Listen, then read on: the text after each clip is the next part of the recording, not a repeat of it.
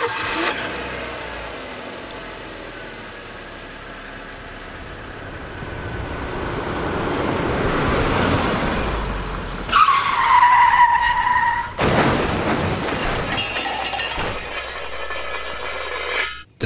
en heren, jongens en meisjes, welkom bij aflevering 80 van de Nade Jongens podcast van Niva Radio met Bas Paternotte en Jan Dijkgraaf.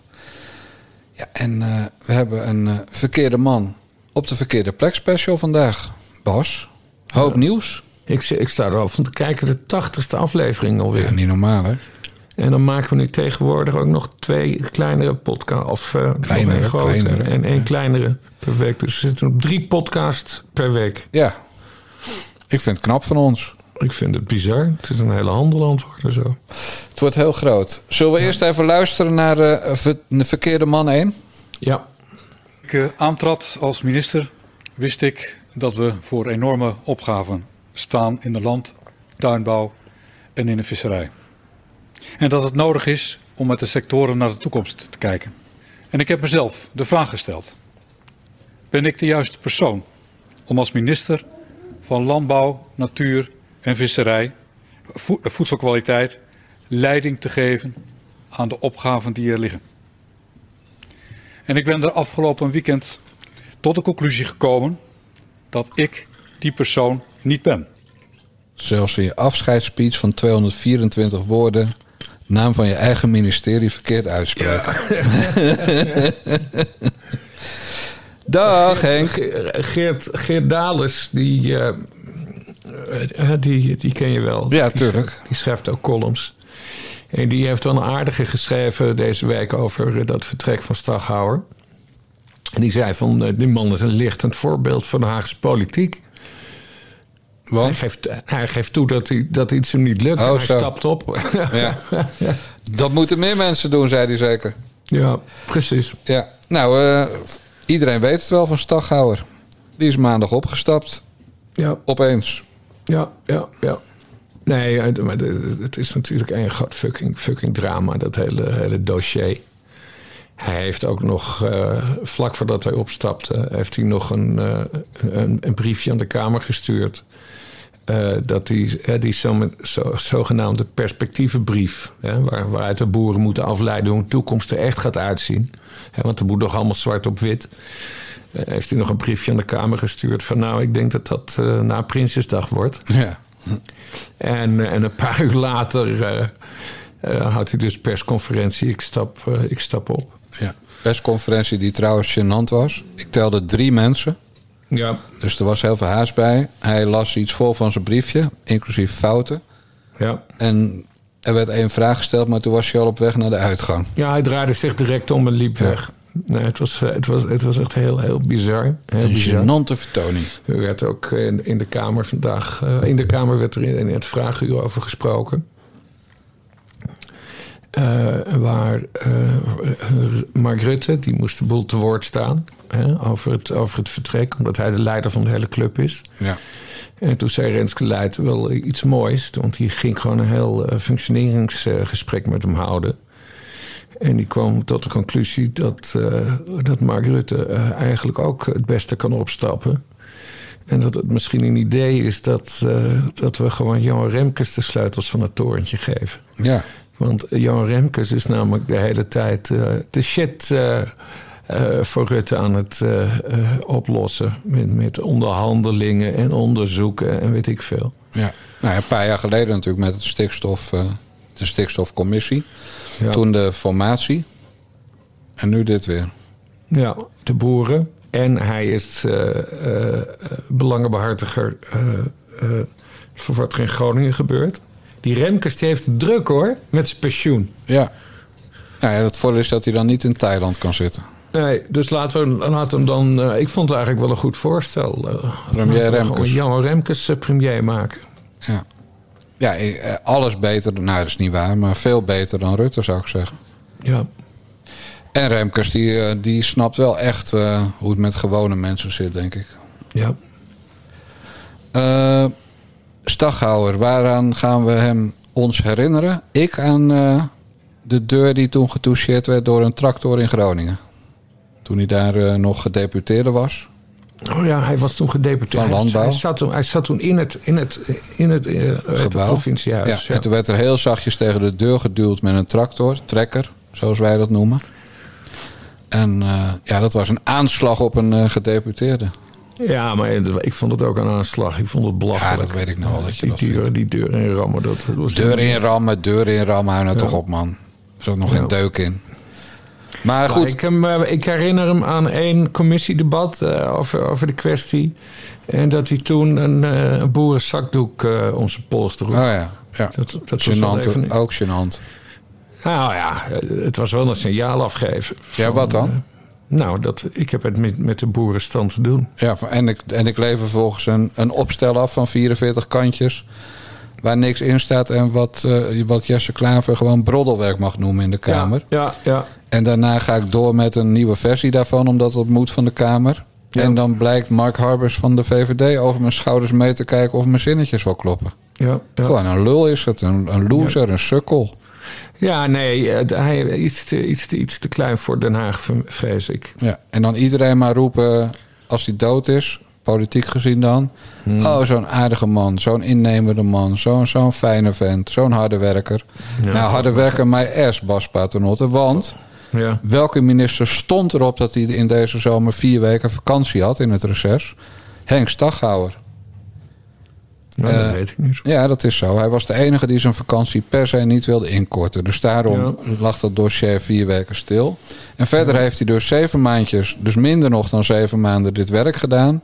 En heeft nu recht op twee jaar wachtgeld. Ja, Twee jaar wachtgeld voor eh, zes maandjes werken. En wat heeft hij gepresteerd? Geen ene, ene pepernoot. is er niet een nieuw minimum? Volgens mij is daar een nieuw minimum voor. Nee. Als je drie maanden, als je drie maanden je in functie bent geweest, heb je recht op minimaal. En in dit geval dus feitelijk op twee jaar wachtgeld. Oké, dus de, de- het minimum is nu drie maanden.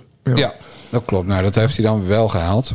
Maar het is echt één grote faalmachine. En dus wat Ja, heeft. het, is, het is te tragisch voor woorden. Maar eh, aan de andere kant, wat Geert Dales zegt... eh, het is dan wel netjes dat je gewoon opstapt. Ja, dat wel. Waar vanmiddag, waar, waar in, tijdens het vraaguur ook weer gezeik over kwam. Want er waren Kamerleden die vonden dat in de Kamer dat dat moeten doen. Eh, maar eh, ja, dan moet je als Kamer een debat eh, aanvragen. Want ministers komen niet uit zichzelf naar de Kamer. Ministers worden door de Tweede Kamer gevraagd Ja. om, om naar het debat te komen. Dus dat was, ik weet niet meer wie het zei, maar dat was een hele dommige, dommige dacht opmerking. Jesse Klaver. Ja. Maar weet je, het- al- hij heeft nu dat, had hij dat briefje in zijn handen voor die persconferentie van anderhalve minuut. Die persmededeling. Maar stel je voor dat deze man naar de Kamer was gekomen. Dan had hij echt gewoon drie kwartier in zijn paparazzen moeten zoeken naar dat briefje waarop, eh, sta, waarop stond: eh, eh, Ik stop als minister, want ik heb Ja. dit weekend goed nagedacht. Het was huilen geworden. Hij was ingestort. Ja, nee, da- ik- daarom is, die, eh, daarom is die keuze om maandag ook op te stappen. eh, eh, ja, dat is natuurlijk heel bewust gedaan. Ja. En dan moeten wij het toch even hebben over Gert-Jan Segers. Want die heeft drie bewindslieden in het kabinet waar hij niet in zou gaan onder leiding van Rutte gezet. Ja, Henk Staghouwer, die gefaald heeft. Carola Schouten, die de armoede moet bestrijden. en nu Henk Staghouwer opvolgt. Exact. Dus. Die gaat weer terug naar het ministerie waar ze vorige keer eh, ja, geen pepernoot gepresenteerd heeft. Nee. En dan hebben we nog die Maarten van Ooyen, staatssecretaris. Oud-wethouder hier in Utrecht. Ja, die ging toen eh, heel demonstratief één nachtje naar een of andere dakloze opvang. En maakte hij een heel verslag op LinkedIn van. Ja, precies. Kortom, populistisch doen. Ja, dat was heel dramatisch hoe hij dat deed. Ja, Echt dus- idiot. Dus de ChristenUnie en Gert-Jan Segers... Ja, ik weet niet wat er met ze aan de hand is. Maar die gaan later, als ze aan de hemelpoort komen... niet beloond worden voor eh, Rutte 4. nee. Dus daar moet jij als, eh, ja, als politiek geweten van de nare jongens... Ja, ingrijpen, Bas. Je moet Segers aan zijn taas trekken. Ja, dat Zegers zelf het, eh, het kabinet ingaat. Dat kan niet helemaal niet. Nee. Dat kan niet helemaal niet. En, en Rauwvoet, dat is de, de man die, eh, die schaamhaar wilde verzamelen. hè? Ooit van jongeren, toen hij eh, jeugdzaken onder zich had. Mhm. En dan heb je nog Slop als kandidaat. Nou, Slop die is verantwoordelijk voor de hele Shula Rijksman ellende. Heeft Ja. hij geen pepernoot aan. Dus ze hebben gewoon niemand. Nou, ze hebben, heel, misschien hebben ze één iemand. Aalt Dijkhuizen. Of bedoel je Geen niet? idee wie dat is. Die naam wilde ik ook helemaal niet Oh. noemen. Nou, wie dan? Eh, je hebt een, eh, een eh, Nico Drost heet hij. Jonge vent. En hij, hij is een paar keer tijdelijk Kamerlid geweest om iemand te vervangen. En ik vond dat hij daar een hele goede, goede indruk maakte. Hij heeft ook wat meer ervaring, omdat hij ook lid van de gemeenteraad van, van Renen is geweest. Het is een grappige vent. Het is een, eh, het is een slimme vent. Eh, en hij, hij heeft volgens mij ook zelfs enige ervaring met de landbouw. Maar hoe dat precies zit, dat, dat weet ik niet uit mijn hoofd. Maar eh, nee, Nico Drost, dat zou misschien wel een goede zijn om... Is dat een gozer met lange krullen? Lang haar en krullen? nee, nee, nee. Dat is een andere Nico Drost. Nico is in mijn ogen heel zuiver en integer bezig met zijn werk, zegt iemand over Nico Drost. Mhm. Nou, dan weet je het wel. Een politicus die integer wordt genoemd. Nee, maar Bas, hier kan toch geen groentje op op dit dossier? Dat kan toch niet? Nee, maar eh, het, het, het, het, het, is ook niet een een groentje. Ik weet trouwens al eh, wat zijn band met, eh, eh, de landbouw, eh, met de landbouw is. Hij is bestuurder van een eh, eh, club die heet eh, Food Valley. En dat is. eh, ehm, eh, hoe noem je dat? Ja, dat is een soort, soort megaverzameling van, van, van, van, van boeren en andere mensen uit de agrarische sector. Ja.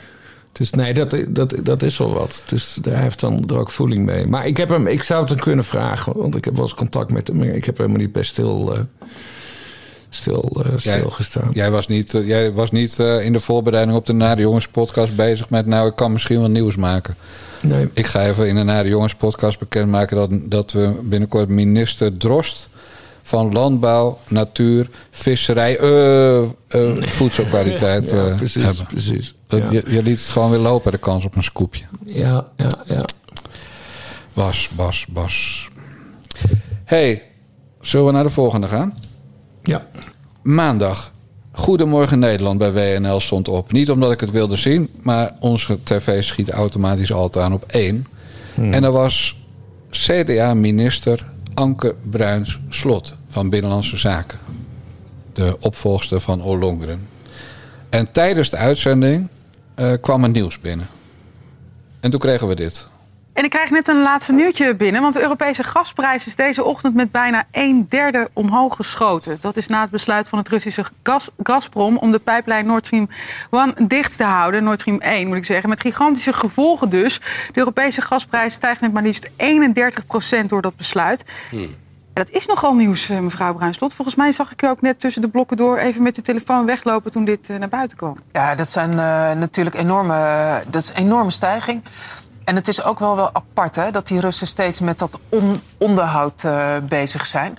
Eh, Maar we wisten toch dat dat eh, Ja. nep was. de andere kant is, het gaat wel heel goed voor, met het vullen van onze gasopslagen. We zitten bijna op de 80 procent. dus we doen wel alles ervoor om ervoor te zorgen dat die gasvoorraden aangevuld zijn, ook voor de winter. Eh, maar Of het is- genoeg is, dat weten we natuurlijk niet. nou, maar we doen in ieder geval ons uiterste best. Eh, en we hebben ze en het gaat snel en het gaat goed. Eh, maar dat dit ja, ook gewoon weer effecten heeft op de rekening... ja, dat, is, dat is gewoon echt Ja, want wat, wat, wat Ja. gaat dit besluit voor ons, de Nederlanders, Ja, betekenen? Dat is echt lastig, denk ik, om nu al gelijk een inschatting van te maken. Want je weet niet wat de Russen doen, of ze hem toch weer opengooien. Ik weet dat ondertussen men in Europa ook met de energieministers echt aan het eh, spreken is van hoe moeten we hier nou precies mee omgaan. Eh, dus ik kan daar op dit moment niet een duidelijk antwoord op geven. Behalve dat we aan onze kant gewoon ons best doen om de gasopslagen zo goed mogelijk te vullen. En dat gaat de goede kant. En dit is nou waarom het vertrouwen van de Nederlander in de politiek helemaal weg is. Je krijgt het nieuws binnen. De gasprijs gaat 31% omhoog. As we speak. À la minuut. Ja. Dat is gebeurd. En het enige wat de Nederlander interesseert is... Oh, kut. Er komt de herfst aan, er komt de winst- winter aan. Wat betekent dit voor mijn gasrekening? Gaat die van 1000 euro per maand nu naar 1500? Of naar Ja. 1300? Dat wil de, wil de Nederlander weten. En wat doet die muts? Mag ik dat zeggen, muts? Ja, ja, ga. Wat doet die muts? En die heeft dus geen idee hoe te reageren. Want er stond niet in het ingestudeerde scriptje in haar hoofd. wat ze voor die uitzending had meegenomen. Dus ze gaat lopen lullen. Nee, maar we doen er alles aan om de gasvoorraad in Nederland op sterkte te brengen. Nou, daarover weet de geïnformeerde Nederlander. dat uit Groningen heel veel gas naar de gasvoorraad op dit moment van België en Duitsland gaat. En niet, of veel minder, naar die van Nederland. Dus als je in Groningen gas oppompt, zou, zou je normaal zeggen: eigen gasvoorraad eerst. Ja. Maar dat gebeurt niet. Dus, Nee. dus de enige reactie op eh, prijsstijging met 31% is... ja, maar we doen wel ons best om de gasvoorraad aan te vullen. Ja, nee, maar het kabinet is ook als een wilde aan het zwabberen.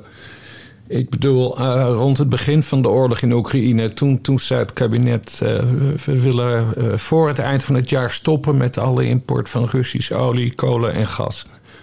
Ja. Nou, daarna kregen we Rob Jetten, die zei van... eh, eh, ik ga gemeenten dwingen om eh, alle contracten met Gazprom te stoppen. Op oneigenlijke gronden. Op oneigenlijke gronden, dat sowieso. Maar hij komt nu ook weer terug op dat besluit. Ze, ze, ze maken er gewoon één groot soortje van. Ja. Terwijl wij al lang de oplossingen meermaals hebben besproken. Van we moeten gewoon dat Groningen helemaal leegpompen voor ons, eh, voor ons eigen. ja. Ik heb trouwens, eh, omdat ik wist dat je dat weer ging zeggen... dat zeg je namelijk altijd... Hè? want Wij kunnen elkaar niet spreken met een microfoon ertussen... en je begint over geef alle Groningers een miljoen. Ja. Eh, in het, het rode gebied in Groningen... dus zeg maar het gebied wat de meeste kans heeft op ernstige schade... bij grote aardbevingen... heb je het over ongeveer 180.000 huizen. Eh, en 180.000 keer 1 miljoen... is bij mijn weten 180 miljard euro. Dat is de kostprijs. Nou, het gas, op het moment dat dat 31% duurder was, steeg naar een waarde boven de 1000 miljard, geloof ik. Eh, dus boekhoudkundig kan het bij de huidige gasprijs uit. Nou, dan maken we van Groningen één groot natuurgebied of een Juist. golfbaan, whatever. Dus het kan. Eh, feitelijk kan het. Punt is natuurlijk wel dat dat bedrag dan moet worden voorgefinancierd. Maar, eh, maar het kan. Nee, dat is inderdaad de oplossing. Jette die komt erop terug, hè? Die gemeenten hoeven nu niet meer het contract met Gazprom op te zeggen. Ja, maar precies. ik neem aan dat sommige gemeenten dat al gedaan hebben. En al een nieuw nee, contract daarom hebben. is het, daarom is, het- daarom is zo'n zootje. Want Jette die heeft, heeft ook eerst een hele grote broek eh, aangetrokken. En nu blijkt het gewoon een kereltje in zijn korte broek Ja, eh, te korte box. Een korte box. Ja. Ja, maar dit betekent dus dat gemeenten, sommige gemeenten die wel meteen geluisterd hebben naar hem, die zijn dus op kosten gejaagd. Want die hebben een nieuw contract dat veel duurder is dan het vorige contract. Ja, nee, maar daar, Jette zal, zal zich ook nog over moeten verantwoorden in de Kamer. Dat, dat kan niet anders. En dan krijgt hij weer steun van die Maar- vier partijen en de Haan. Ja, nee, daarom. Maar, maar, maar het, het- dat gezwabber, het is, het is gewoon niet te harde. En het is niet alleen Jette, het is gewoon bijna die hele, hele, hele, die hele bende. Ja. En het mooiste is, en Bruin Slot deed dat ook weer, van ja, een beetje boos gaan doen op de Russen dat ze niet leveren. Ja, Terwijl het hele doel van de operatie was dat we geen Russisch gas meer wilden hebben. precies. Ja. Dat, dat is dus het, het, het- het grote gezwabber. Ik word er echt doodziek van. Ja. Ik vind het trouwens zielig hoor voor die Hanke Bruinslot. Wat? Nou, dat ze minister van Binnenlandse Zaken is. Hoezo ze had, natuurlijk minister van Defensie eh, moeten worden. Oh, want zij is echt in het leger. Zij heeft echt, Zij heeft eh, echt in het leger gezeten. operationeel. Zij heeft in Afghanistan, eh, was zij commandant over, over, die, hou, over die houwitsers. Ja. En dan Dirk Boswijk, die heeft zijn best gedaan om reservist te worden. Nee, ja, nee het is abso- ze is absoluut geen Dirk Boswijk. Nee, Nee. ze kan echt wat. Zij wel. En als, ka- als Kamerlid heeft ze ook een keer een prachtige ruzie gehad met, eh met Sherry Baudet. Die een beetje geringschattend deed eh, over eh, haar militaire werk. En toen heeft ze hem alle hoeken van de Kamer laten zien en droop eh, Baudet af. Toen voegde ze nog toe eh, dat hij een eh, dat, studeerkamerfiguur was. En, eh, en dat zij dus echt in Afghanistan met howitzers op, eh, op tuig had geschoten. Ja. Ja. Dus nee, zij had natuurlijk op. Maar dat, dat, is, dat is het meest bizarre aan hoe in Nederland kabinetten worden gevormd. Heb je iemand ervaring, en met echte ervaring bij Defensie? Ja. maak je de minister van Binnenlandse Zaken van. Ja, nee, dat, is- dat En je zet Ollongren op defensie. Die het verschil tussen een corporaal en een generaal niet wist Nee, die, die, die, die wist helemaal van niks toen Nee. ze begon. En nog niet eigenlijk. Nee. Want die zegt dan, eh, die, die vertelt gewoon even openlijk wat er allemaal geleverd wordt aan Oekraïne. Zegt vervolgens zal ik niet meer doen en blijft dat doen. Ja.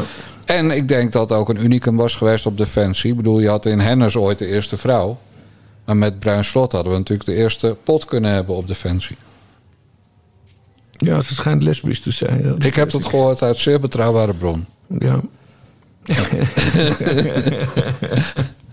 Gelukkig onthullen we onze bronnen niet. Nooit. bij de Ik zou nooit zeggen, ik heb dat van Bas Paternotte gehoord. Dat ga je, kan je echt niet maken.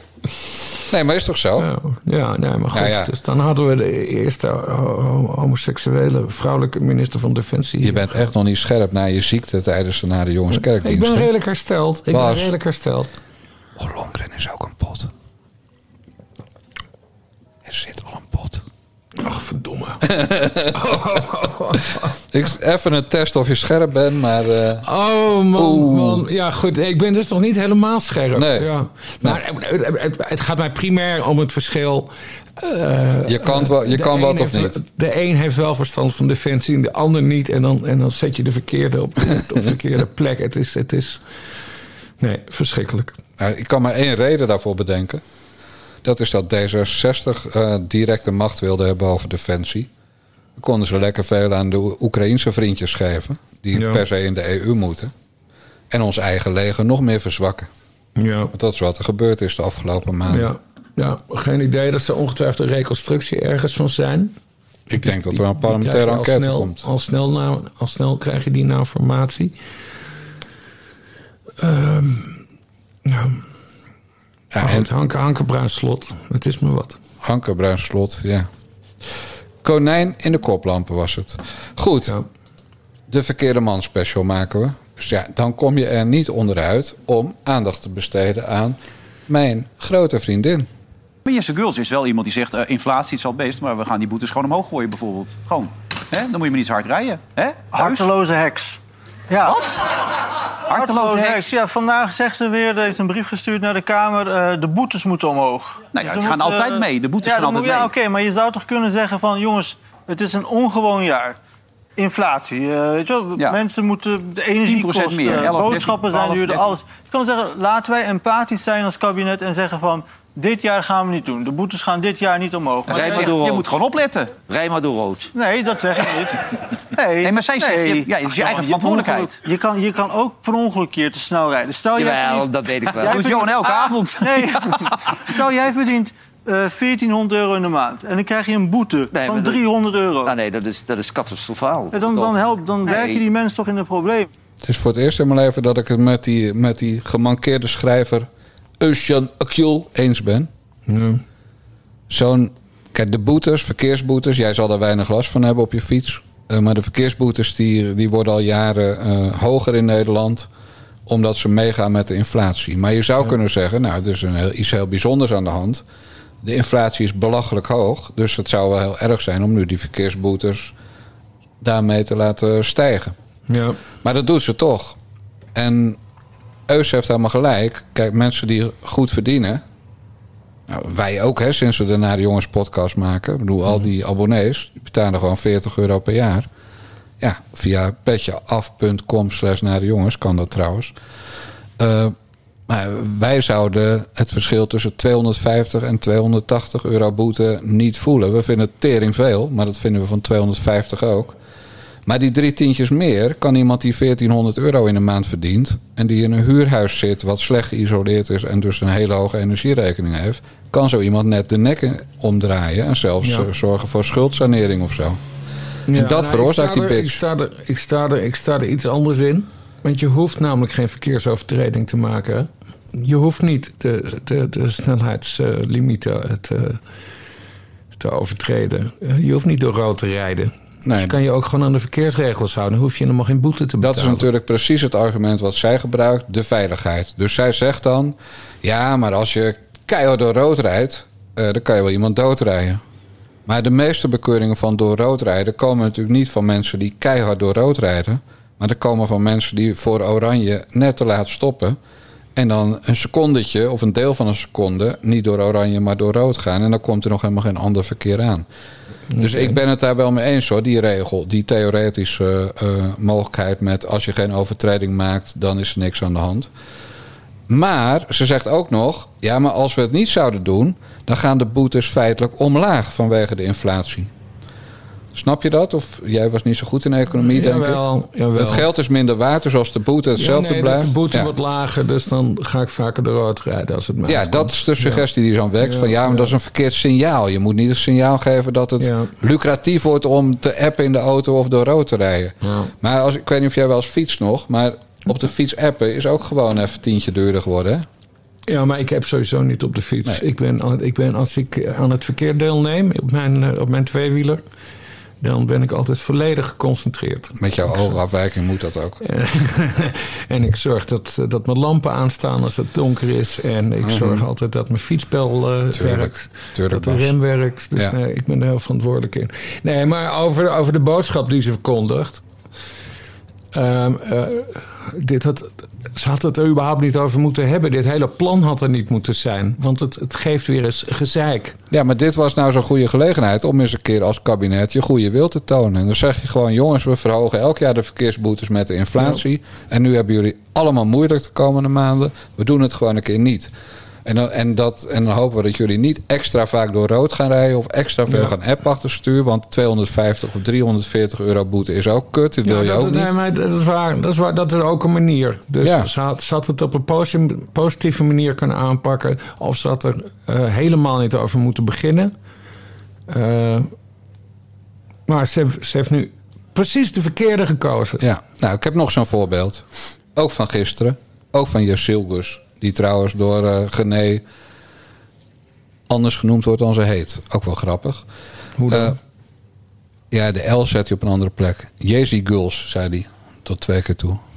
Is ook pijnlijk voor haar hoor. Pijnlijk. Zeg Jezus Guls. Ja, maar hij zegt de L op het eind voor de Z. Casey Guzzel. Ja, Oh, maar goed, dat terzijde. interessant. Oké, ander dingetje. Er komen bij de douane wel eens kindersekspoppen binnen. Hè? Zal Alibaba zijn of dark web, weet ik veel. Maar bij de douane komen kindersekspoppen binnen. En nu wil ze de wet zodanig gaan veranderen... dat het bezit van die kindersekspoppen verboden is. Nou, wat gebeurt er dan, Bas? Dus stel, je, stel even zuiver hypothetisch... maar je bent Kamerlid voor D66. En je doet het graag met jongere kinderen. Stel, hè? Zuiver hypothetisch. Nou, het lukt niet in het echt, dus je koopt zo'n pop. Ja. Want in het echt denk je, shit, als ze me pakken, kan ik geen Kamerlid voor D66 blijven. Eén dus, seconde, één seconde even niezen. Sydney Smith. Sydney Smith. Sorry, ga door. gezondheid. Maar, maar je wil niet gepakt worden, dus je bestelt zo'n pop. Nou, dan ga je vervolgens uit de Tweede Kamer en dan heb jij nog steeds die pop. Of je koopt een nieuwe pop. Hè. Je wil een iets oudere pop. Een pop die bijna volwassen is. Een pop, een pop van 16, een pop van 17, een pop van 19 desnoods. hè. Je groeit een beetje mee met eh, norma normale mensen. Maar goed, dan kan je dus zo'n pop niet meer kopen, want Jes Silgers heeft het verboden. Wat ga je dan doen, Bas? Stel, je zit er nog op het moment dat je poppen bestelt van 12. Je bent Kamerlid van D66 of ex-Kamerlid, hè, dus maakt niet meer uit voor je functie. En je, bestelt, je wil zo'n zo'n pop van 12 jaar bestellen. Een pop die lijkt op een 12-jarige met een paar extra gaten erin. Ja.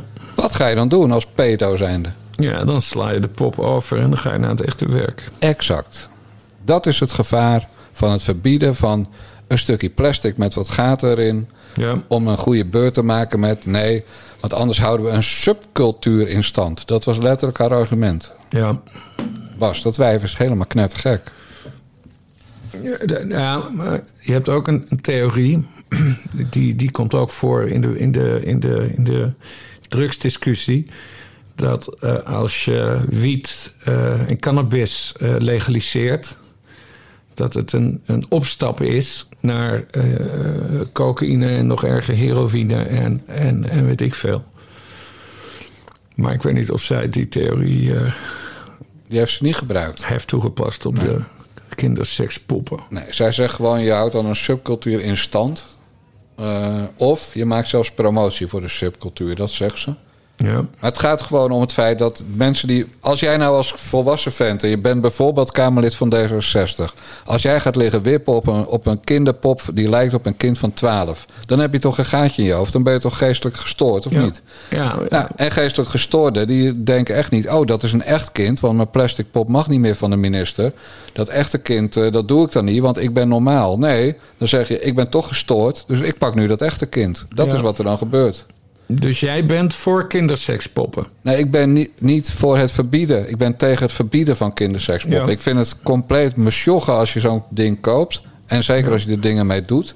Ben je compleet gestoord, geestelijk gehandicapt, geestelijk gestoord. Een vieze, smerige ranzaap, een viespeuk. Nou ja, goed, alles wat ik ook in andere gevallen over D66-Kamerleden pleeg te zeggen. Eh, compleet gestoord. Maar ik heb liever dat die vuile, vieze, smerige teringleiers op een plastic pop liggen dan op een echt kind. Dat is Ja. mijn punt. Ja, nee, eens. We zijn het volledig eens. Dus Dylan moet ook weg. Ook de verkeerde man op de verkeerde plek. Ja. Maar het lijkt erop dat ze, dat ze aan macht aan het winnen is binnen de VVD. Ja, dat heb ik ook gehoord. Ja.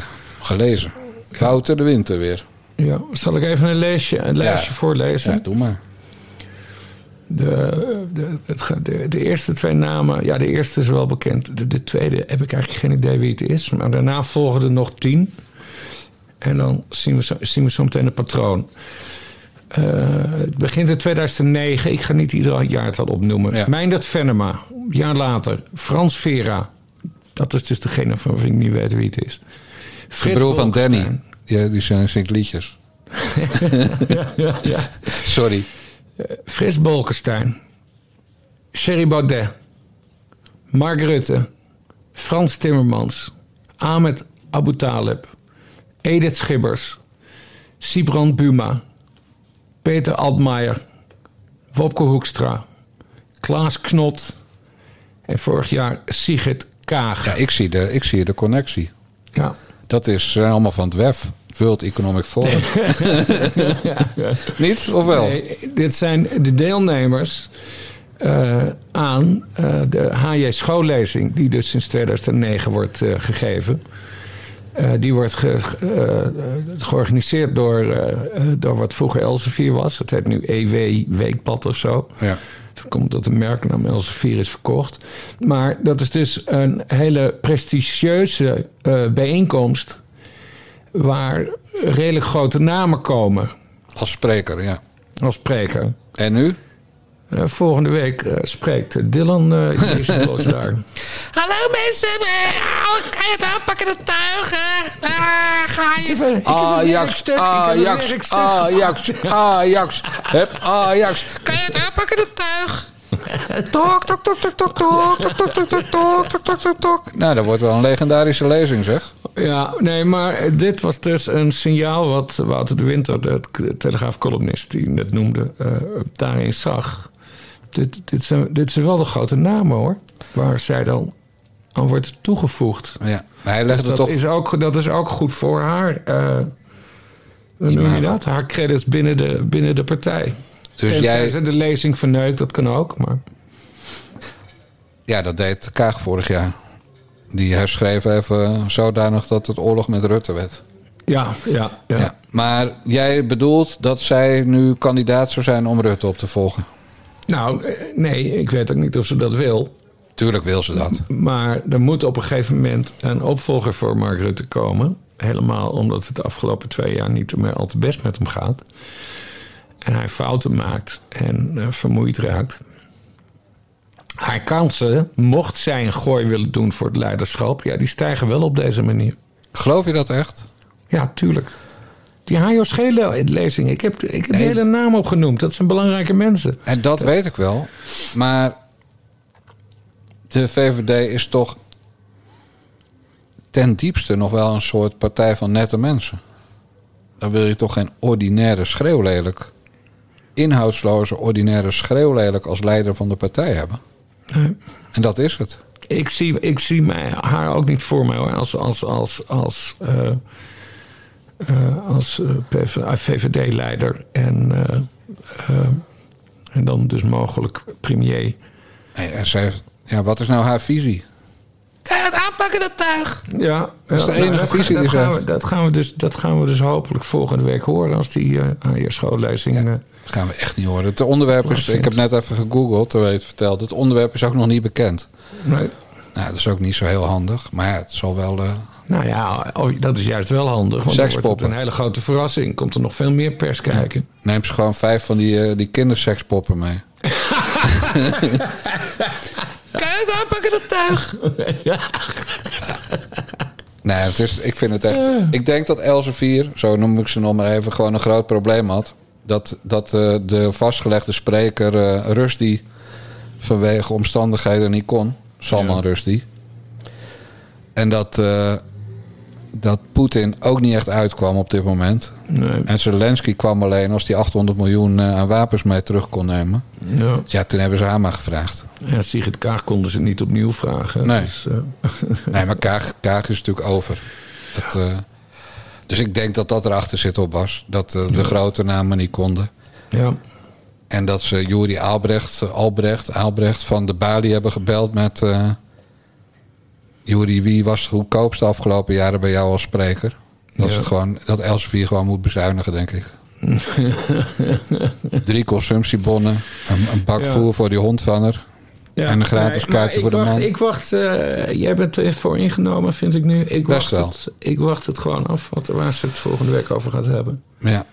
Nou, omdat wij eh, ge- genuanceerd zijn, doen we niet alleen een verkeerde man op de verkeerde plek, maar hebben we ook een goede man, maar in dit geval een vrouw, op de goede plek. Hier zijn de beroemde 26 gouden koffers. En natuurlijk Linda de Mol.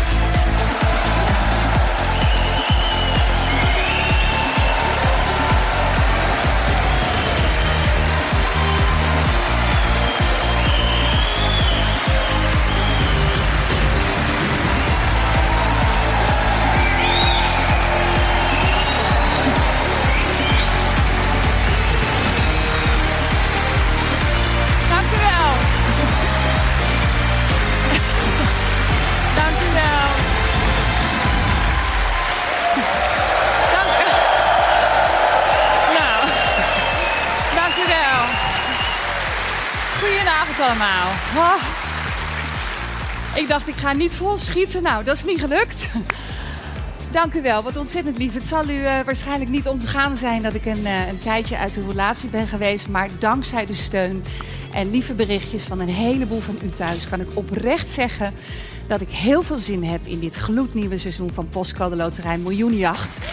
En, ehm,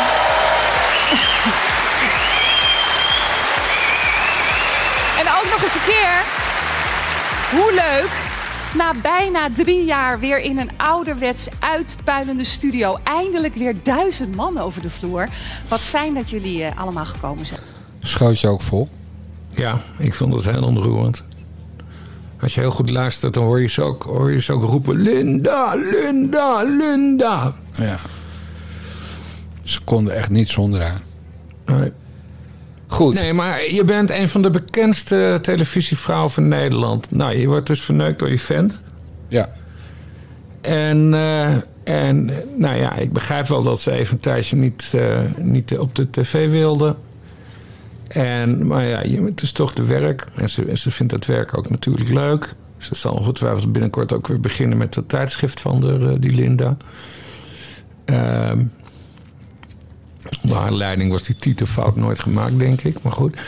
Eh, en, dan, en dan heb je alle moed om dan naar dit programma, wat volgens mij heel goed wordt bekeken, eh, toch weer te beginnen. En dan dat, dat publiek, nou duizend man begrijp ik, dat helemaal uitzinnig. Staande ovatie. Vanuit mededogen eh, een staande ovatie geeft en je naam begint te scanderen. Nee, ik, ik, vond het, ik vond het heel mooi en ik denk dat zij er ook wel blij mee zal zijn. Ja. Ik heb eigenlijk helemaal geen zin om dit eh, liefdevolle verhaal van jou te gaan lopen downplayen. Want je bent het met me eens.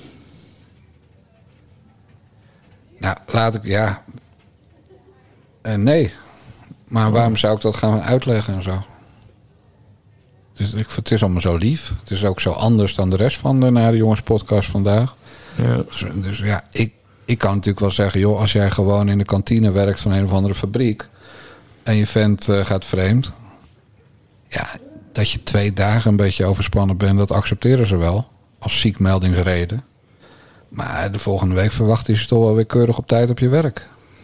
En niet, ze zeggen niet, ga jij maar zeven maanden naar eh, een villa in Portugal en je villa in, eh, in het Gooi.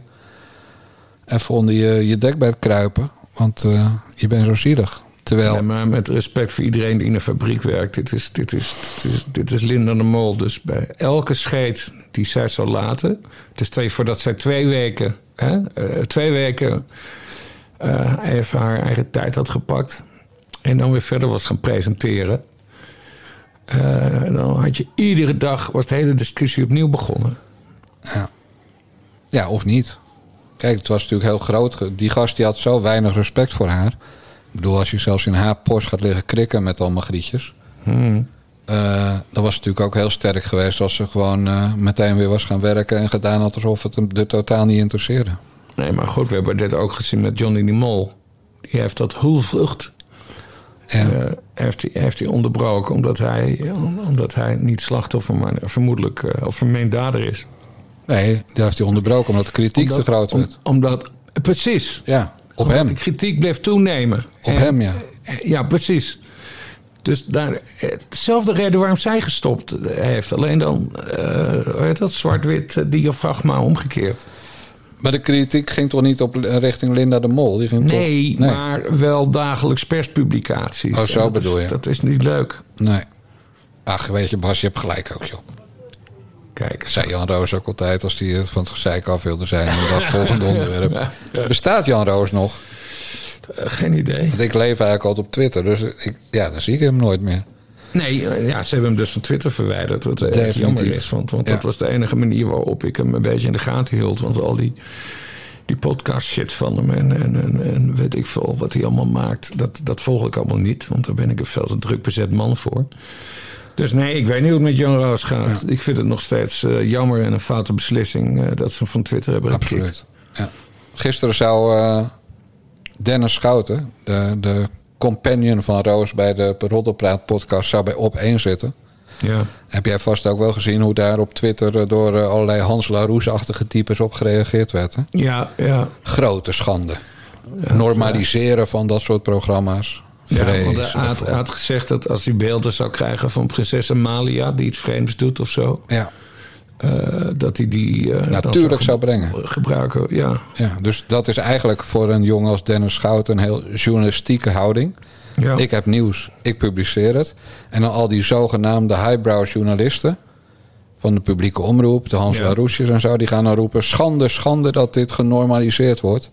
Maar dit is zo tekenend voor dat volk, hè? Want je hoeft het natuurlijk helemaal niet met Dennis Schouten eens te zijn, maar dat je er zo tegen bent dat zijn geluid überhaupt gehoord wordt op de publieke omroep. Dat is Ja. de kanker die in de Nederlandse media zit, heel Ja. diep. Maar hij, hij trad sowieso niet op omdat, eh Gestaghouwer aftrad. omdat Staghouwer Ja. aftrad. Ja, nee, er gebeurde nog iets anders. Want ik heb toen eh, de Rijksvoorlichtingsdienst... die, eh, nee, ja, ik moet het anders zeggen. Mensen werden woedend toen er twee foto's van de prinses verschenen. Prinses van Oranje.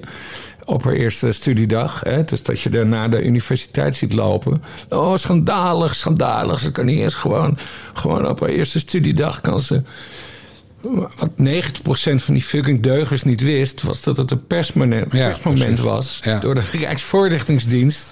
Dus lees het paleis. Ja. eh, georganiseerd.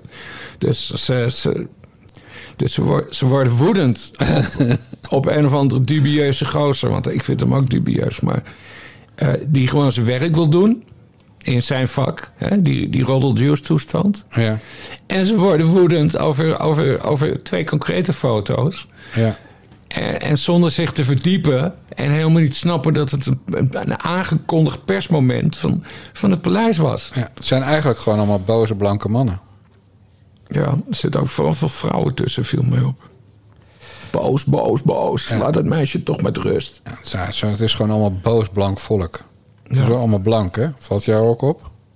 Ja. Als, eh, als een zwarte kroonprins van het Koninkrijk der Nederlanden voor het eerst naar school gaat en er komen foto's van, dan hoor je ze niet. Kan je niks van vinden op Google. Dus ze doen het echt alleen bij blanke kro- kroonprinsessen.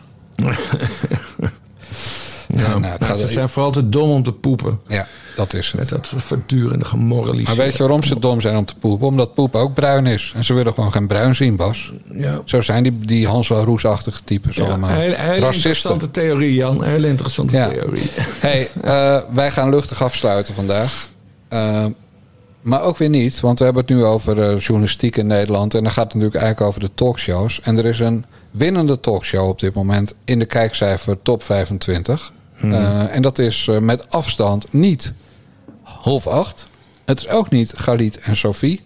Het is ook niet Jinek. En het is ook niet op één.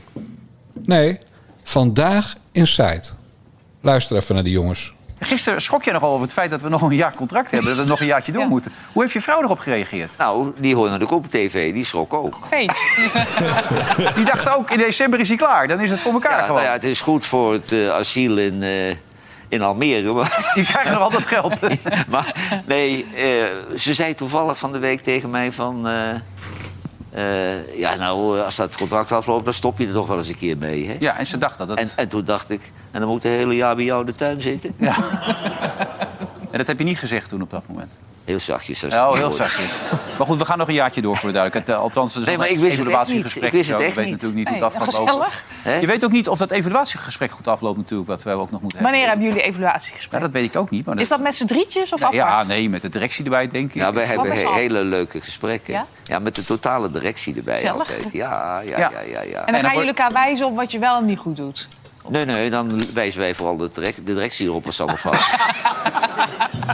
nee, want wij hebben een ego van hier tot Amsterdam. Hè. Dat, dat kunnen wij niet hebben. Dat is, Maar de- eh, de- maar de- deze Geef ons nou geen kritiek.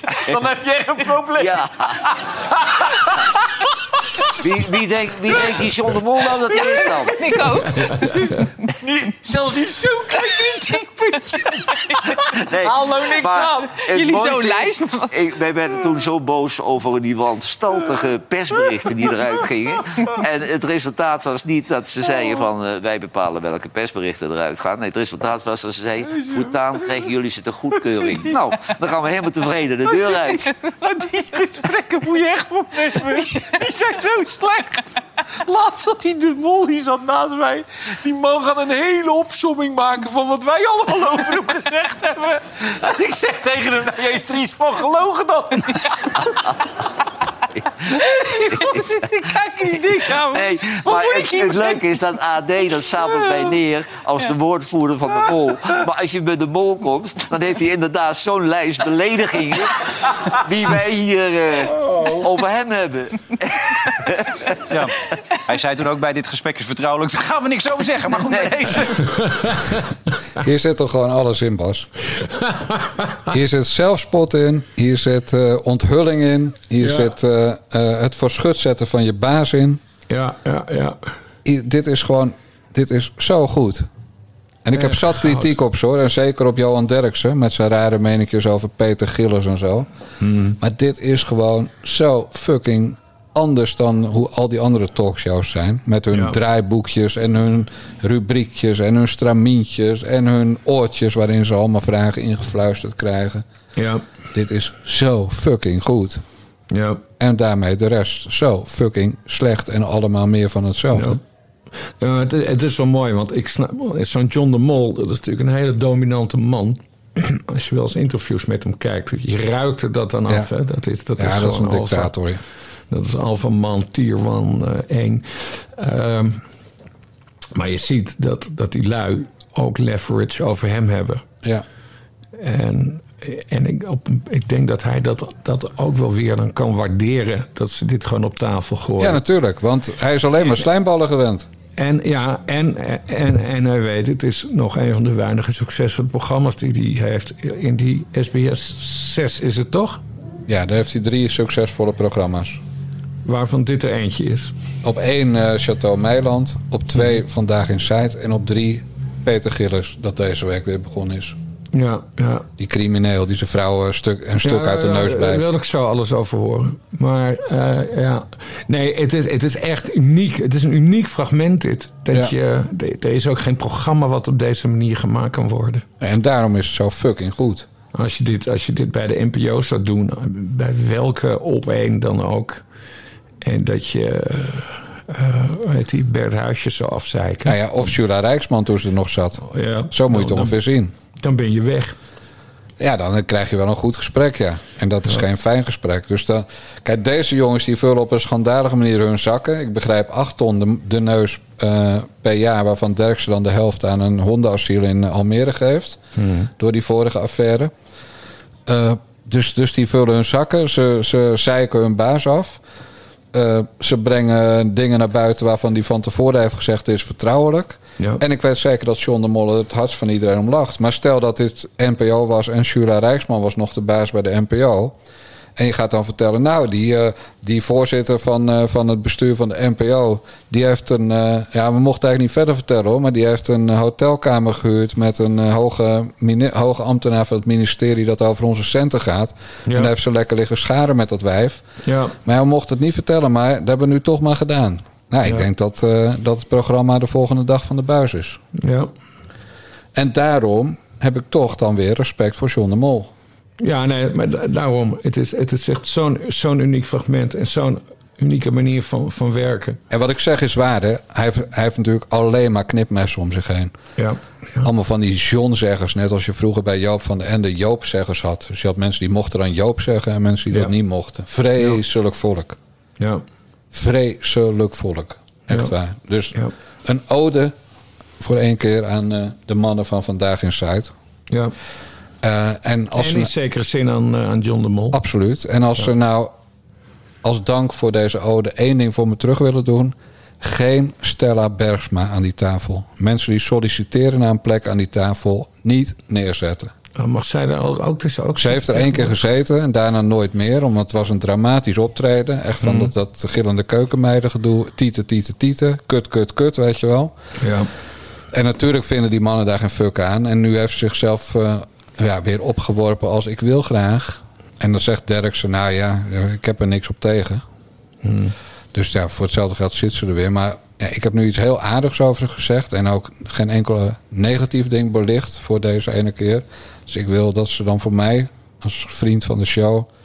ondanks dat ik een kleine geschiedenis met Gené heb... maar wil ik dat ze ja, die muts gewoon niet laten komen. Want Ja. je moet stomme mensen niet groot maken. Oké, we hebben, we hebben nieuws. Wat dan? Voor de Mediacorant. Jan Dijkgraaf wil Stella Bergsma cancelen. Boycott, ja. Cancel stellen. Ja, want precies. Want als ze dan niet meer bij Vandaag in Site zit... kunnen misschien alle andere programma's de- dezelfde eh, tactiek hanteren. Dan kan ze weer eens een keer eh, een boekje schrijven. Ja. Waar er dan 10.000 van verkocht worden. En waar, waarover ze in elk programma... kut, lul, pies, neuken komt zeggen. Ja. Ik, ik heb helemaal niks tegen dat mens. Maar ik heb er ook helemaal niks mee. Gewoon lucht is het. Ik heb één boek van haar gelezen en ik vond dat, dat was wel geestig. Oh, maar ze heeft een hele goede pen. Maar ze, ze is beter in schrijven dan in Ja. twitteren en in op tv komen. Precies. Dus, en dat geldt voor mij ook. Daarom zit ik ook nooit meer op tv. Ik, vond het veel minder leuk en ik was er ook niet, gewoon niet goed in. Dus Ja. dan kan je wel je zakken gaan vullen. Maar je moet, je moet het gewoon niet. Laat die muts gewoon lekker een boekje tikken weer. 10.000 boekjes verkopen. Man, ma- de money ook weer blij. Gewoon koken, boekjes schrijven. Want ze schrijft absoluut goed. Ja. Wat we van Eus, om het even rond te breien, niet kunnen zeggen. Nee. Bij Eus kan je zo goed aan zijn column in het AD zien... of zijn vriendin thuis was of niet, voor de eindredactie. Ja. En de laatste dagen is zijn vriendin te druk om zijn columns te redigeren. Ja, ik, ik, ik heb echt een enorme hekel aan die gast. Ja, joh. Dat, eh, dus ik lees nooit iets van hem. Nou, dat is, eh, dan, dan mis je weinig. Ja, ik heb nu wel zin om weer vandaag in site te kijken, maar ik kijk dus eigenlijk geen tv. Nee, maar doe vandaag in site gewoon wel, weer eens een keer. Ja. Je kan ook zeggen, ik laat het van de gast afhangen. Eh, want als ze een leuke gast hebben, is het natuurlijk extra leuk. Maar ja, het is best wel... ja, ze zeggen gewoon alles, Bas. Dat zouden wij nooit doen. Wij zijn altijd netjes en binnen de lijntjes kleuren en zo. Ja, ja, dus, ja. Je wou het toch over Gilles hebben, of niet? Ja, hij is teruggekeerd, begreep ik. Ja, want eh, een van die eh John-zeggers, eh, namelijk directeurtje Marco Lauwerens, die is bij Gilles geweest om te vragen: Peter en Nicoleke, vertel eens even wat er allemaal gebeurd is toen je, hem, eh, toen je er in elkaar beukte en een stuk uit de rug en de neus beet en zo. En naar het politiebureau moest en zij een verklaring heeft afgelegd die belastend was. Nou, en Peter en Nicoleke hebben gezegd niks aan de hand. En Marco Lauwerens van Talpa, die gelooft Peter op zijn woord. Vooral omdat de hele serie van eh Massa is Kassa al gedraaid was en klaar lag en gemonteerd was. Dus het kost heel veel. ge- En er wordt eh, goed naar gekeken en dus redelijk om geadverteerd. Ja, Talpa wil vooral uitzenden. Maar die eerste uitzending sinds het incident... Dinsdag, deze week. Ja. Ja, ja ik heb hem nog niet gezien. Wij nemen dit al op dinsdag op, namelijk. dus die is vanavond. Ja, oké. Ik ga wel kijken.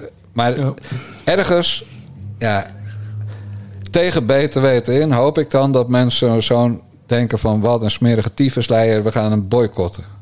Maar goed, ik moet dan voor mijn werk kijken, vind Ja. ik. Want dan kan ik er misschien weer een stukje over tikken. Maar ja, ik snap ook heel goed dat mensen wel kijken. Alleen, alles was al opgenomen toen hij een stuk uit de neus en de rug beet. Ja. Dus Ik ben, ik ben benieuwd of ze dan nog met een...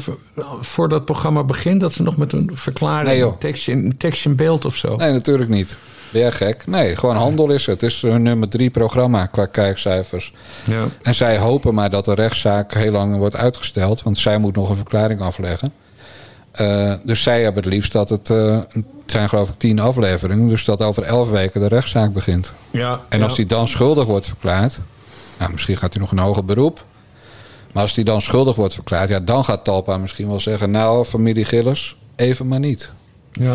Kijk, en een meesterzet van, de, van eh, Nicoleke en Peter Gillis zou zijn... als die zou zeggen... ja, maar zo is het bij ons altijd als we seks hebben. Als we hatsen flatsen.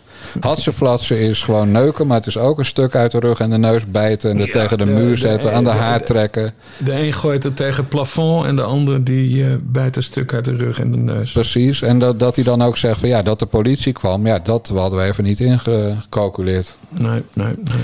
Dus dat zou ook nog kunnen, hè, dat ze het op spel gaan gooien. Ja. Nou, er zit misschien later deze week een bellen met Bassie in. Nou, dat is een goed idee. En dan hoop ik dat je eh, weer iets scherper bent dan vandaag.